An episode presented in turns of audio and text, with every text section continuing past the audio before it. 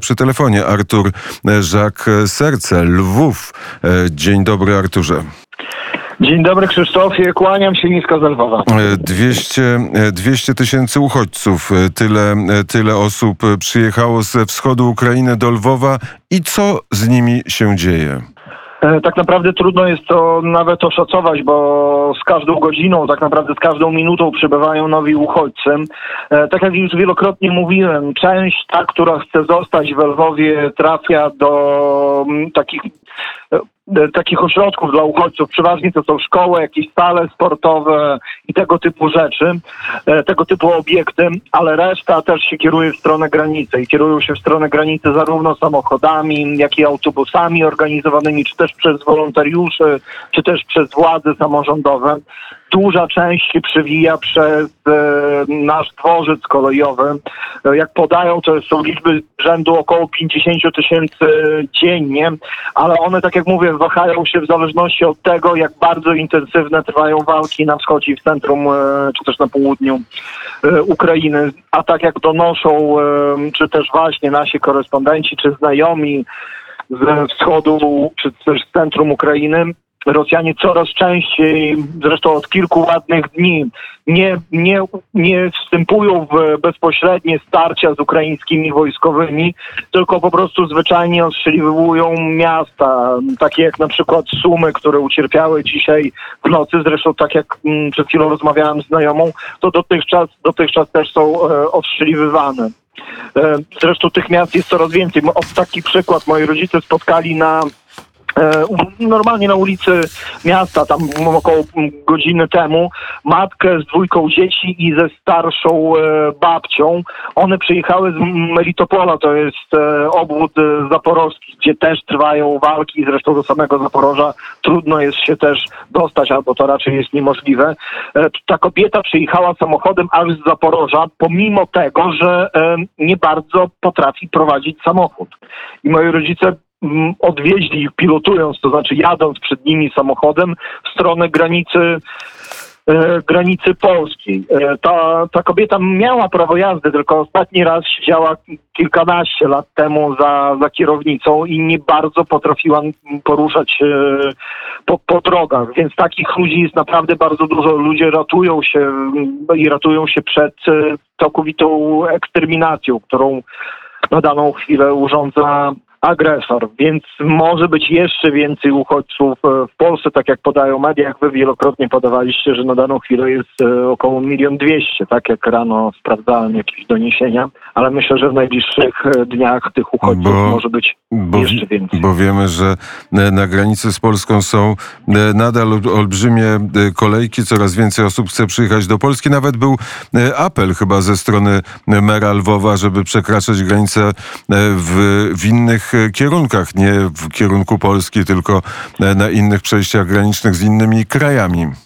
Mm, tak, władze się właśnie zwracają, cały czas informują o zwracaniu się też do wolontariuszy, którzy na, na bieżąco jakoś monitorują e, ilość tych kolejek, tych osób e, na granicach. No jednak większość wybiera, większość wybiera Polskę. E, w ostatnich dniach nawet dotarły do mnie informacje od znajomych, którzy mieszkają przy granicy, między innymi przy Ruskiej, że jakoś sobie poradzili z tym natłokiem e, ludzi. No ale widząc jak, e, jak się zmienia sytuacja właśnie przede wszystkim w miastach na wschodzie, południu i centrum, w centrum Ukrainy, to znowu ta ilość e, uchodźców się zwiększyła. Ja z przerażeniem dzisiaj przeczytałem, że w Mariupolu zmarło dziecko i to zmarło dziecko z odwodnienia, bo tak jak już mówiliśmy wcześniej, zresztą ja i Wojtek i inni korespondenci Radia Wnet, Mariupol jest całkowicie odcięty. W pierwszych dniach e, wojsko rosyjskie przede wszystkim biło, uderzało w infrastrukturę, czyli z początku odcięli od wody, prądu, gazu a teraz zajmują się takimi dywanowymi ostrzałami tego miasta. I naprawdę, że w XXI wieku umiera dziecko z braku wody, no to jest przerażająca informacja, przynajmniej dla mnie. Strat... W bezpiecznym Lwowie czuję się aż nieswojo, bo, bo, bo w Lwowie jest bezpiecznie nadal. Te straty infrastrukturalne na razie władze Ukrainy oceniły na 10 miliardów dolarów. To mówimy o mostach, kolejach, lotniskach i, i drogach. Natomiast nie mówimy oczywiście o domach, a, ale najważniejsze i najtragiczniejsze są straty wśród ludności cywilnej, policji, ukraińskiego, ukraińskiego wojska, ale ale jak wygląda sytuacja w Lwowie? Ostatnia korespondencja e, to e, informacja o tym, że zaczyna rozmaitych rzeczy codziennych brakować, czyli rzeczy, które, znaczy coś, jedzenia, wody chyba nie, wody nie brakuje, ale brakuje jedzenia, zdarzają się kolejki, to prawda czy nie? Ja nie, zauważyłem no, jakichś nadmiernych braków. Na pewno mogą być rodzaje produktów, których, e, których faktycznie nie ma, ale wystarczy się przejść do innego sklepu.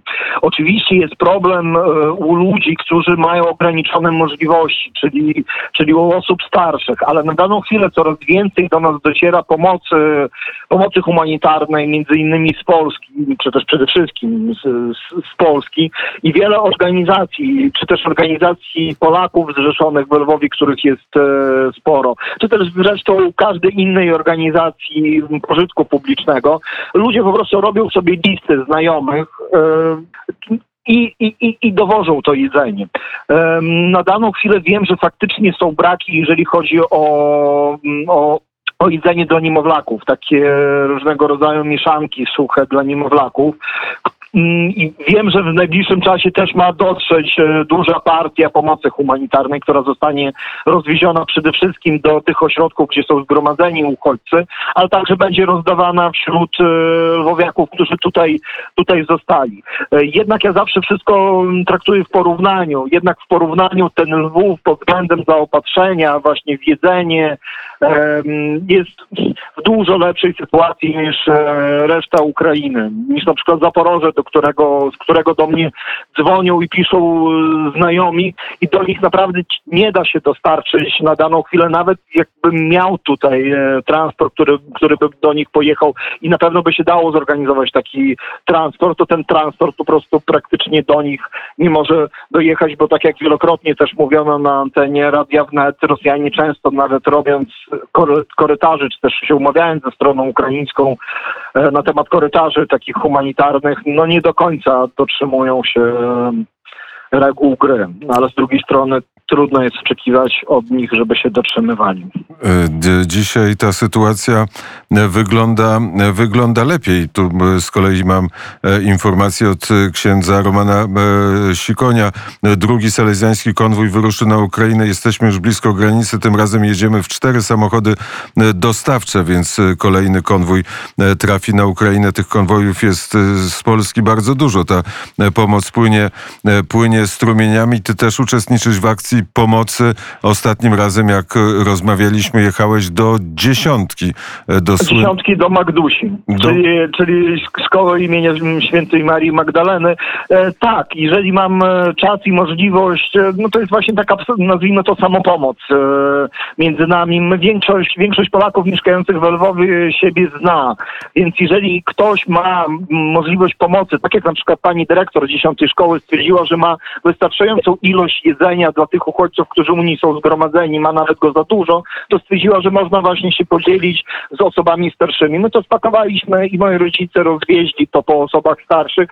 No i zaznaczę, nie robiąc różnicy, czy ktoś jest Polakiem, Ukraińcem, czy jakiejkolwiek innej e, narodowości. Ale jak mówimy tutaj o kościele katolickim, to też warto wspomnieć e, o Brzuchowicach. W Brzuchowicach jest e, teraz niejako takie centrum logistyczne, e, do którego trafiają właśnie dary, które się rozjeżdżają po, po Ukrainie. W Brzuchowicach, po Lwowskich Brzuchowicach jest seminarium e, rzymskokatolickie i między innymi tam oprócz tego, że są przyjmowani uchodźcy, to właśnie tam trafiają liczne dary, które się rozjeżdżają po Ukrainie, a jak już wielokrotnie słyszeliśmy, nawet biskup pomocniczy Edward Kawa sam jeździ, jeździ busem i rozwozi, rozwozi, czy też pomaga właśnie w rozwożeniu tych darów e, po Ukrainie. E, przeczytałeś moje e, kolejne pytanie, bo właśnie miało dotyczyć księdza, księdza biskupa. Alarmów bombowych nie ma. e, czy też e, są w Lwowie? Od dwóch dni, od dwóch dni całe szczęście możemy normalnie spać i nie było żadnych alarmów bombowych w Lwowie. Odpukać dzięki Bogu nie było nic. Tutaj też zaznaczę, bo czasami padają w innych mediach takie stwierdzenia, że Lwów został ostrzelany. Dzięki Bogu w Lwowie e, na teren Lwowa nie spadła żadna bomba, żaden pocisk artyleryjski, czy też e, rakieta balistyczna, czy też kierowana sterowana. Więc na daną chwilę Lwów pod tym względem jest miejscem bezpiecznym, ale tak jak mówiłem wcześniej, biorąc pod uwagę zachowania żołnierzy Federacji Rosyjskiej, to żaden metr kwadratowy, czy też żaden cal kwadratowy, parafrazując pana Bidena, prezydenta Stanów Zjednoczonych Ukrainy, nie jest bezpieczny.